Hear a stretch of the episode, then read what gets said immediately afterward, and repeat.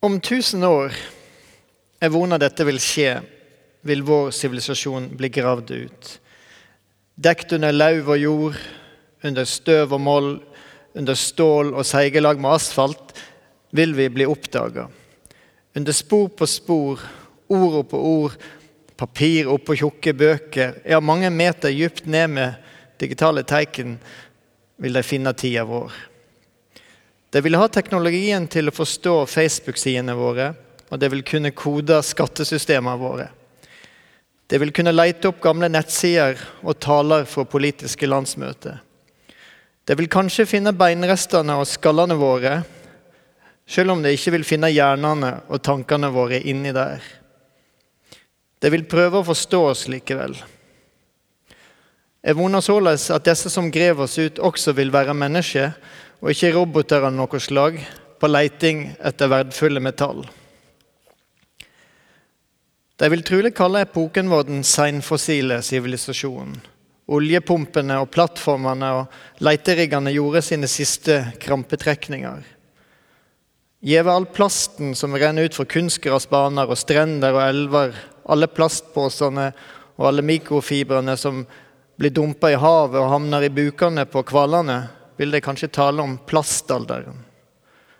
Får de tak i overvåkingskamera og deres opptak fra busser og T-baner og venterom og hotellobbyer, vil de kanskje kalle oss mobilalderen. De vil oppdage en knekk i nakken på mange skjelett som ikke fantes der før. Kanskje, men bare kanskje, vil de kalle oss den tidlige fornybaralderen, elbilalderen, overgangsalderen.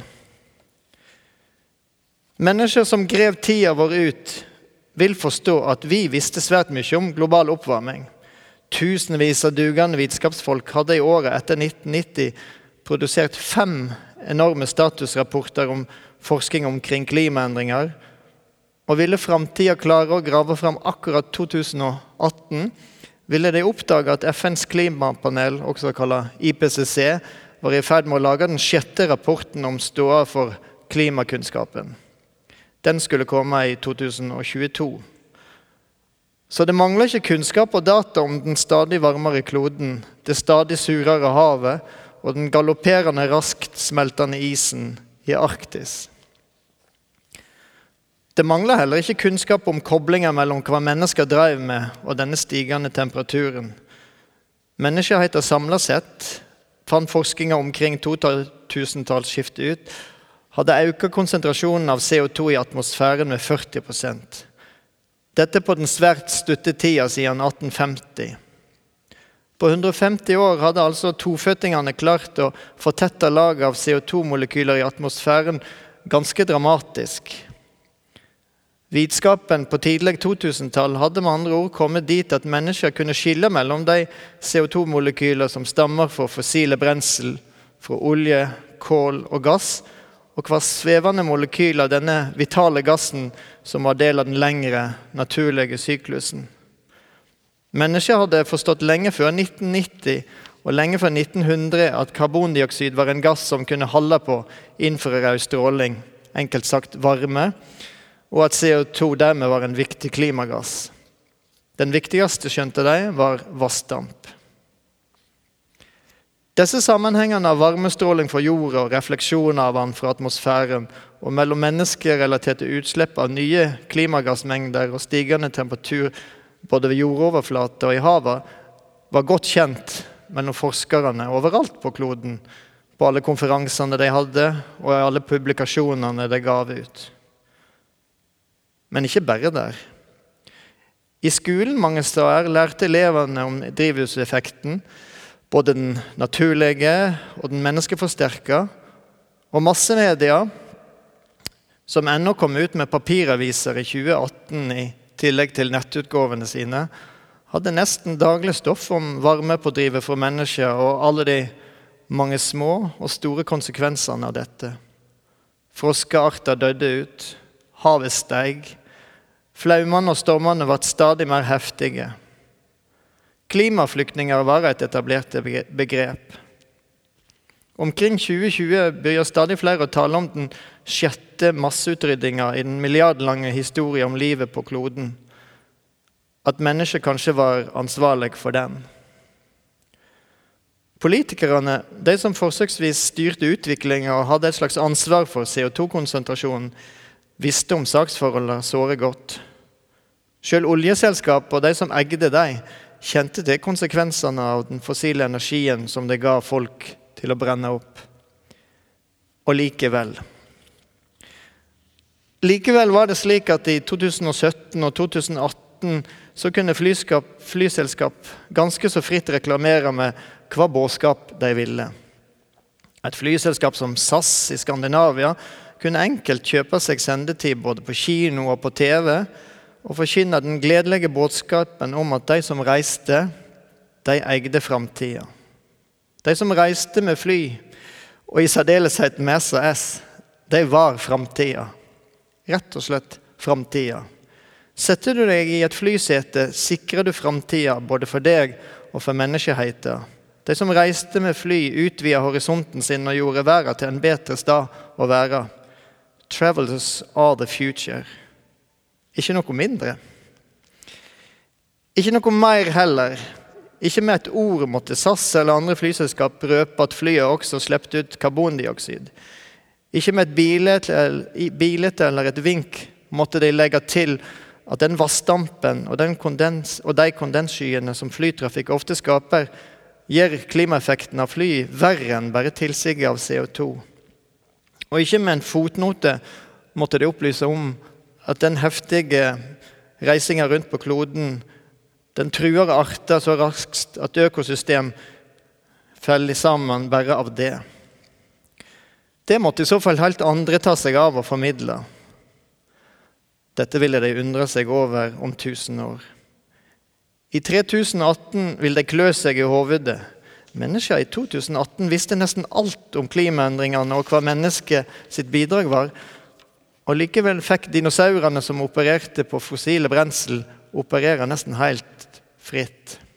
De fikk trampa rundt med klørne sine ute halvveis forkledde som fredselskende duer, halvtydelige som de eldsprutende dragene de også var.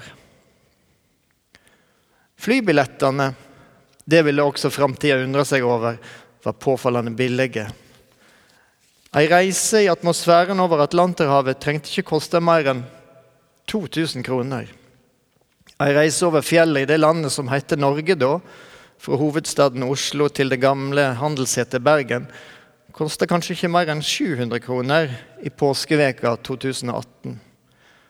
For 3000-tallet var sånne tall litt vanskelige å relatere til de valutakursene som var i bruk da. Kroner fantes det ikke lenger, og ikke pund heller. Men de fant noe å sammenligne med i samtida vår. Ei reise med toget fra Oslo til Bergen kosta 939 i full pris den samme påskeveka 2018. Og tok jeg nattoget helt i slutten av mars det samme året, ville den reisa bli mer enn dobbelt så dyr. Sammenligninga ville være relevant, det forsto 3000-tallet umiddelbart, siden det å reise med tog var så mye mindre belastende i klimaregnskapet enn det flyreiser var. Mennesker i framtida ville dermed undre seg. Den mer klimavennlige reisemåten var gjennomgående dyrere enn den verste måten enda toget tok mye lengre tid enn flyet. Sagt omvendt de som forstyrrer klimabalansen mest, det som forstyrrer klimabalansen mest, det var billigst. Det enkleste var det verste. Mennesker på tidlig 2000-tall hadde altså laga seg ordninger som oppmuntrer til å skade kloden. Det som faktisk skåner og sikrer framtida mest, det var mer tungvint. Det var som oftest dyrere også. De som sov seg over fjellet, synda ikke, men det så slik ut av prisene. Enda folket den gangen i 2018 visste bedre. Ikke bare det. Framtida ville klare å grave seg ned til andre skatteordninger også. De ville oppdage at det fantes bonusordninger på fly i vår tid, slik at de som reiste mest på den måten, skaffa seg poeng til å fly enda mer. Folk var kanskje tilsatt i staten, eller de arbeidet i høyt lønna stillinger der de liksom hørte med å reise mye rundt. Disse folka kunne da få gratis ekstrareise til New York eller Johannesburg. Jo mer du var med å forstyrre klimaet, jo mer ble du belønna med nye og lange reiser. Disse gratisbillettene sørga ikke direkte for inntektene til flyselskapene, men de som fikk disse godene rett i fanget, de la ikke akkurat skjul på hva nye byer og land de besøkte. Effekten av bonusordningene ble dermed nettopp den som flyselskapene vona på. Og det var mer. Arkeologene på 3000-tallet ville klare å lete seg fram til de store utsalgene av alkohol, og tobakk, og parfyme og sjokolade på flyplassene. De ville komme på spor av avgiftsordningene på de samme flyplassene. De ville finne kvitteringer og kassalapper nok til det. Og De ville forstå at på flyplassene var det billigere å kjøpe nytingsvarer av ulike slag. Nytingsmiddel som staten ellers mente var skade for folk øl og sprit og sukker og røyk ned i lungene. Det var altså slik på tidlig 2000-tall at reiste du med fly, som var den mest forurensende måten å reise på, så lokka staten deg med billigere vin og billigere sigaretter enn du ellers fikk tak i. Men ikke på jernbanestasjonene, og ikke i toga. På tog var ei halvflaske vin mye dyrere enn på Vinmonopolet. Hele samfunnet i et land som Norge ville altså at du skulle velge den verste måten å reise på. Du ble lokka til det, og du ble belønna på flere ulike vis. Dette ville ikke framtida klare å forstå. Vi visste uendelig godt hva vi gjorde mot klimaet og kloden og naturen og alt.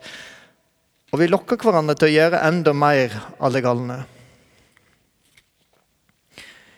I framtida ville det nok spørre seg om det var slik at politikerne ikke hadde tid til å tenke på den merkelige sammenhengen de hadde stelt i stand. Gjeve alle disse knekkene i nakken var det kanskje slik at sjøl finansministre og rådgiverne deres ikke gjorde så mye annet enn å sjekke mobilene og e-postene sine. Men så ville utgraverne fra 3000-tallet komme over uttaler og debattmøter med en finansminister fra et parti som profilerte seg som særlig opptatt av de menneskeskapte klimaendringene. I dette partiet var han ikke fremmed for å gjøre noe med denne taxfree-ordninga på flyplassene. Og denne finansministeren ville nok ha lagt på både alkoholen og selve flyreisene dugelige avgifter om hun hadde kunnet. Det var det mange dokument og landsmøtetaler som tyder på. Men hun ville ikke være festbrems, sa hun. Hun ville ikke skrote ordningene som så mange var så glade i. I framtida ville en derfor gruble mye på forholdet mellom disse verba 'kunne' og 'ville'. Var det slik at finansministeren på tidlig 2000-tall kunne legge på avgiftene på flyplassene? Eller ville hun ikke? Eller kunne hun ikke fordi andre ikke ville?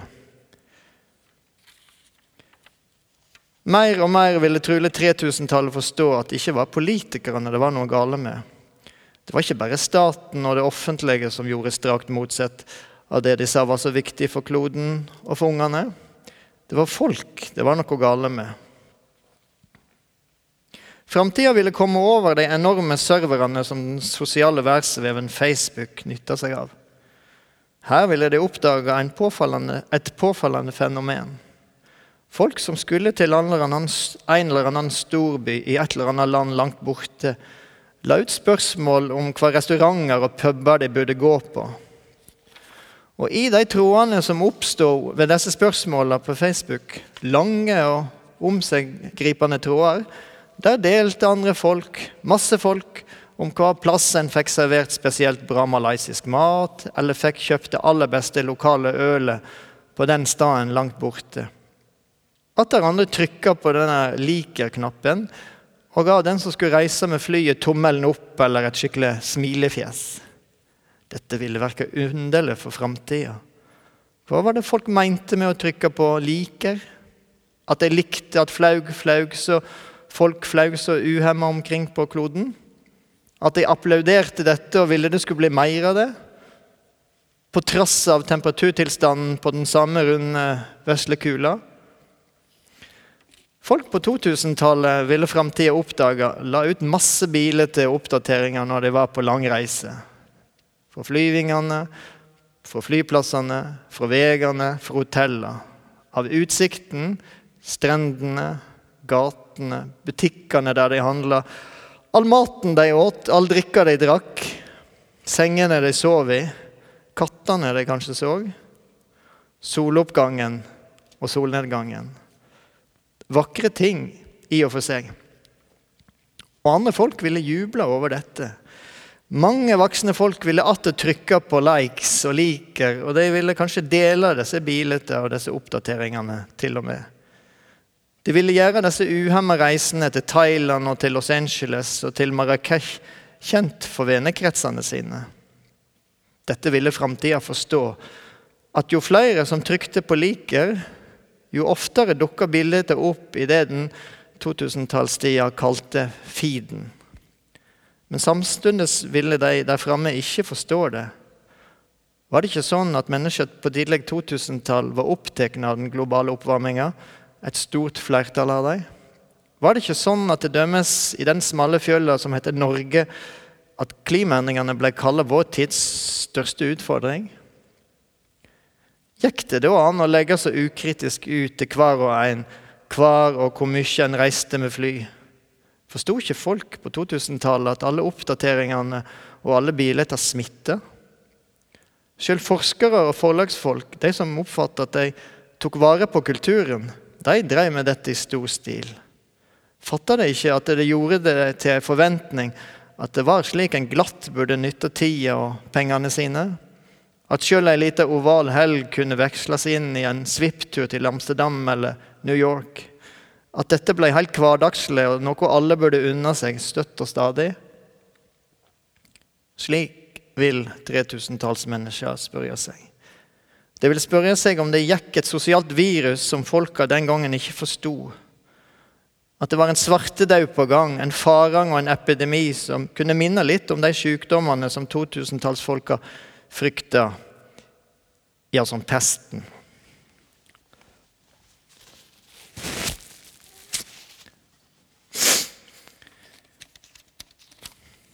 Historiegranskerne på tidlig 3000-tall ville kunne boltre seg i tall om de fant tilgang til de rette nettsidene. Jo Avinor i Norge kunne de lese f.eks. at Oslo lufthavn ble åpna i 1998 og var bygd for å håndtere en trafikk på 17 millioner passasjerer i året. I 2014, altså 16 år senere, reiste snaut 24 millioner mennesker til og fra den flyplassen. Her ville arkeologene der framme raskt sjekke folketallet i det vesle landet Norge. Og Det økte i det samme tidsrommet fra drygt fire til godt og vel fem millioner mennesker. Framtida ville forsøkt å få regnestykket til å gå opp. 24 millioner reisende mot 5 millioner mennesker. De ville sjekke på kartet for den gangen på 2000-tallet og finne at Norge ikke akkurat var en navle i Europa. Det var ikke slik at Oslo var et knutepunkt for mange forskjellige land og folk, som skulle tilsi en slik enorm trafikk av folk og mennesker. Norge var kanskje et vakkert land å reise til for turister, men samtidig var det jo sånn at kostnadene var høye for andre folk dersom de kom hit. Framtida ville kanskje klø seg i hodet, eller de ville riste på det. Jo Avinor ville de kunne lese mer. Den 27. april 2017 var det offisiell åpning av nye Oslo lufthavn, som nå kan håndtere 32, 32 millioner passasjerer. Det går kanskje litt tregt opp for oss hva det betyr, men 3000-tallsfolka forstår det lynraskt. Avinor legger opp til at flytrafikken skal øke framover. Utbyggingene og investeringene er gjort med tanke på videre eksplosiv vekst i tallet reisende med fly. Én rullebane har blitt til to rullebaner, og Avinor vil gjerne ha en tredje. I visse utregninger legger de opp til en vekst i trafikken til 35 millioner reisende i 2035. Og politikerne synes å ville nikke til det samme. Framtida vil kunne drukne seg i tall. Og kanskje vil de tenke at det var det 2000-tallet gjorde også. Drukna seg billedlig i prognoser om vekst, og drukna seg konkret i stigende hav og frådende flaumer som en følge av det.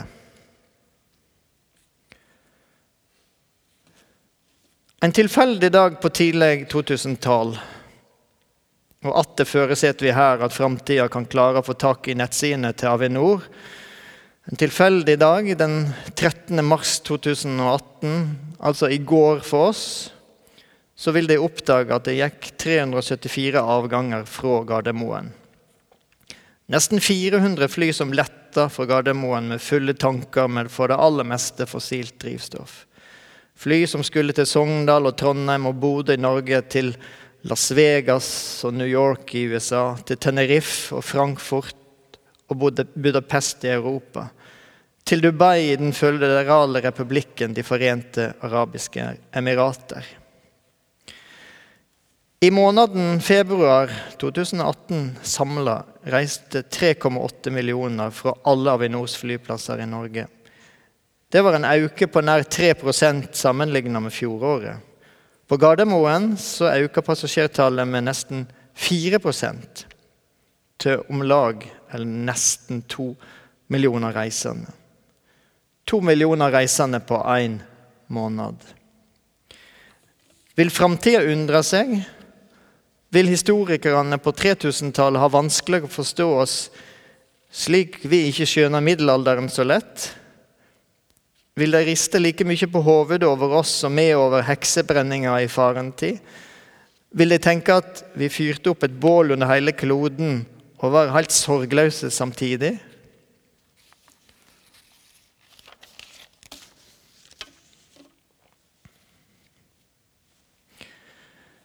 Flytrafikk var selvsagt ikke den eneste kilda til klimagassutslipp i 2018. Hun var ikke den viktigste i og for seg, men hun var sterkt veksende, særlig den internasjonale trafikken.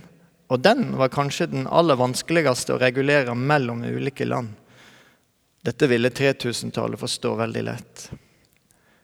Arkeologene og utgraverne der framme i tid ville også huske på at Norge, da, dette ene landet med mange utslipp fra fly, det var et landstrekt land, og at en hel del reising med fly fra dette vesle landet og i dette vesle landet, men lange landet, måtte tilskrives geografien, rett og slett.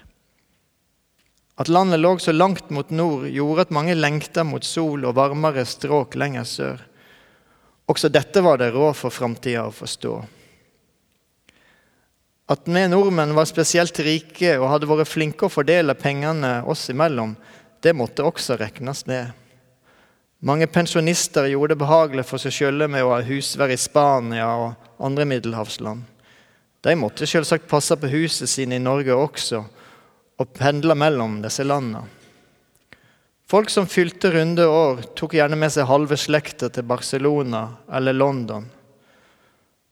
Fotballag måtte også heies på i de samme byene. Også det gikk det an å fatte for framtida, sånn i og for seg. At den enkelte ikke kunne ta oppgaven med hele den globale oppvarminga på seg og sine skuldre alene, det gikk det an å begripe. At klimaorganisasjonene og miljørørslene leter etter andre utslippssektorer som var lettere å gjøre noe med enn flyreisinga, var også råd å forstå. At politikerne ikke ville være festbremser, noe som mange syntes, og ville ha det sorgløse livet på flyplassene, det gav jo mening, også i 3018.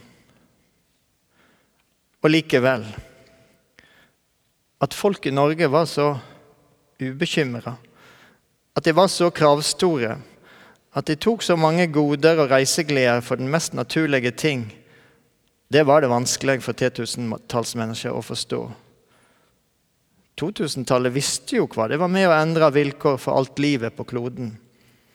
Alt det yrende forskjellige som de sa de var så glade i. Alt det frodige riket av fisker og dyr og planter og korallrev som de likte å besøke og dykke til i andre stråk av verden. Nesten verst av alt, eller kanskje verst av alt, Nordmennene og nordkvinnene hadde blitt rike på å pumpe opp olje og gass i enorme mengder. De hadde skapt seg et flott velferdssamfunn på disse rikdommene. Men de hadde også forsynt verden med altfor mye karbondioksid på samme tid.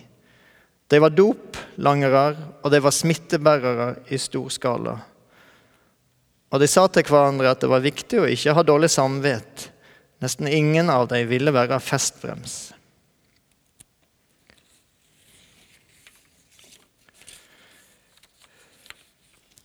Framtida, folkens. 3000-tallet. 1000 år fram i tid. Det er så langt fram at det nesten ikke gir mening å snakke om det. En del drømmer om helt revolusjonære teknologier der framme. Biler som flyr, fly som går på elektrisitet. Elektrisitet som baserer seg på fusjonspresser, sånn som på sola. Reversert drivhuseffekt ved at karbondioksid blir pumpa ned i de store hullrommene etter olje og gassen under havet. Det er forlokkende å tenke slik. Og det er lov å håpe på en revolusjon som gjør energiteknologien grønn og fornybar. Fornybaralderen. Overgangsalderen. Men det må ikke ta bort merksomheten om det som haster her. Og det kan ikke ta bort merksomheten om det som kanskje ikke går an.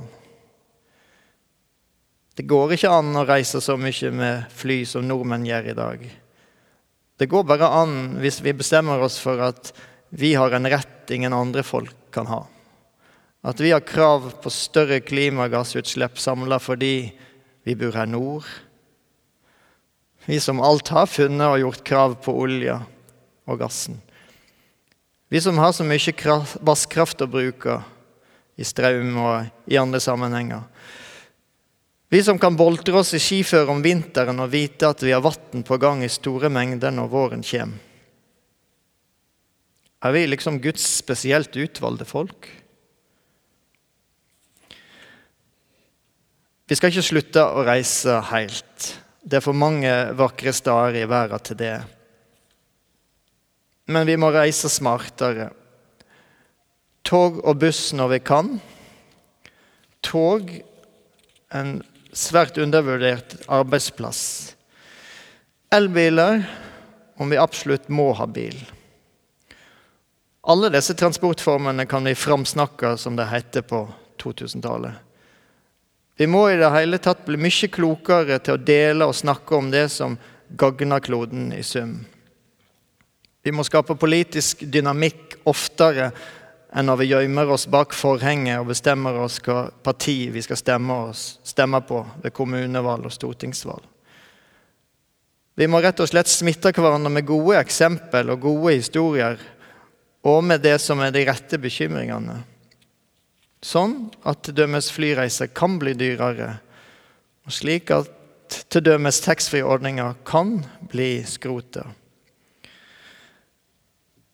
Og så, når vi likevel føler at vi kan eller må fly, som ikke er så veldig rart med den vakre og fine kloden som vi har fått, så kan vi iallfall ikke drive og fortelle om det på Facebook og lokke andre til å reise på den samme måten og til de samme stedene og like ofte.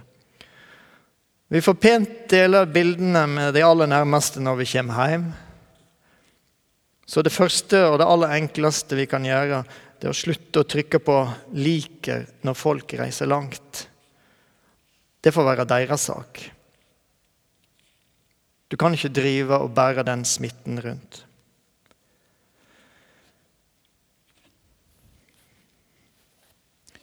Tretusentallet. Hvordan lever mennesker da? Tanken strekker liksom ikke så langt. Det er vona mi at det fins mennesker også da. Vi skylder framtida å ta vare på kloden bedre enn vi gjør nå. Tanken på at alle spor skal bli sletta ut etter mennesker for tidlig, er en uutholdelig tanke. Ikke noe skispor igjen. Ikke noe musikk. Ikke noe gitarspill. Jeg voner derfor det fins arkeologer om tusen år også. Jeg voner det klarer å grave tida vår ut, at ikke vi har drukna dem. Jeg er stygt redd for at de ikke kommer til å forstå oss. Jeg veit ikke om vi har fortjent at jeg gjør det. Men jeg voner av hele meg at jeg gjør et forsøk.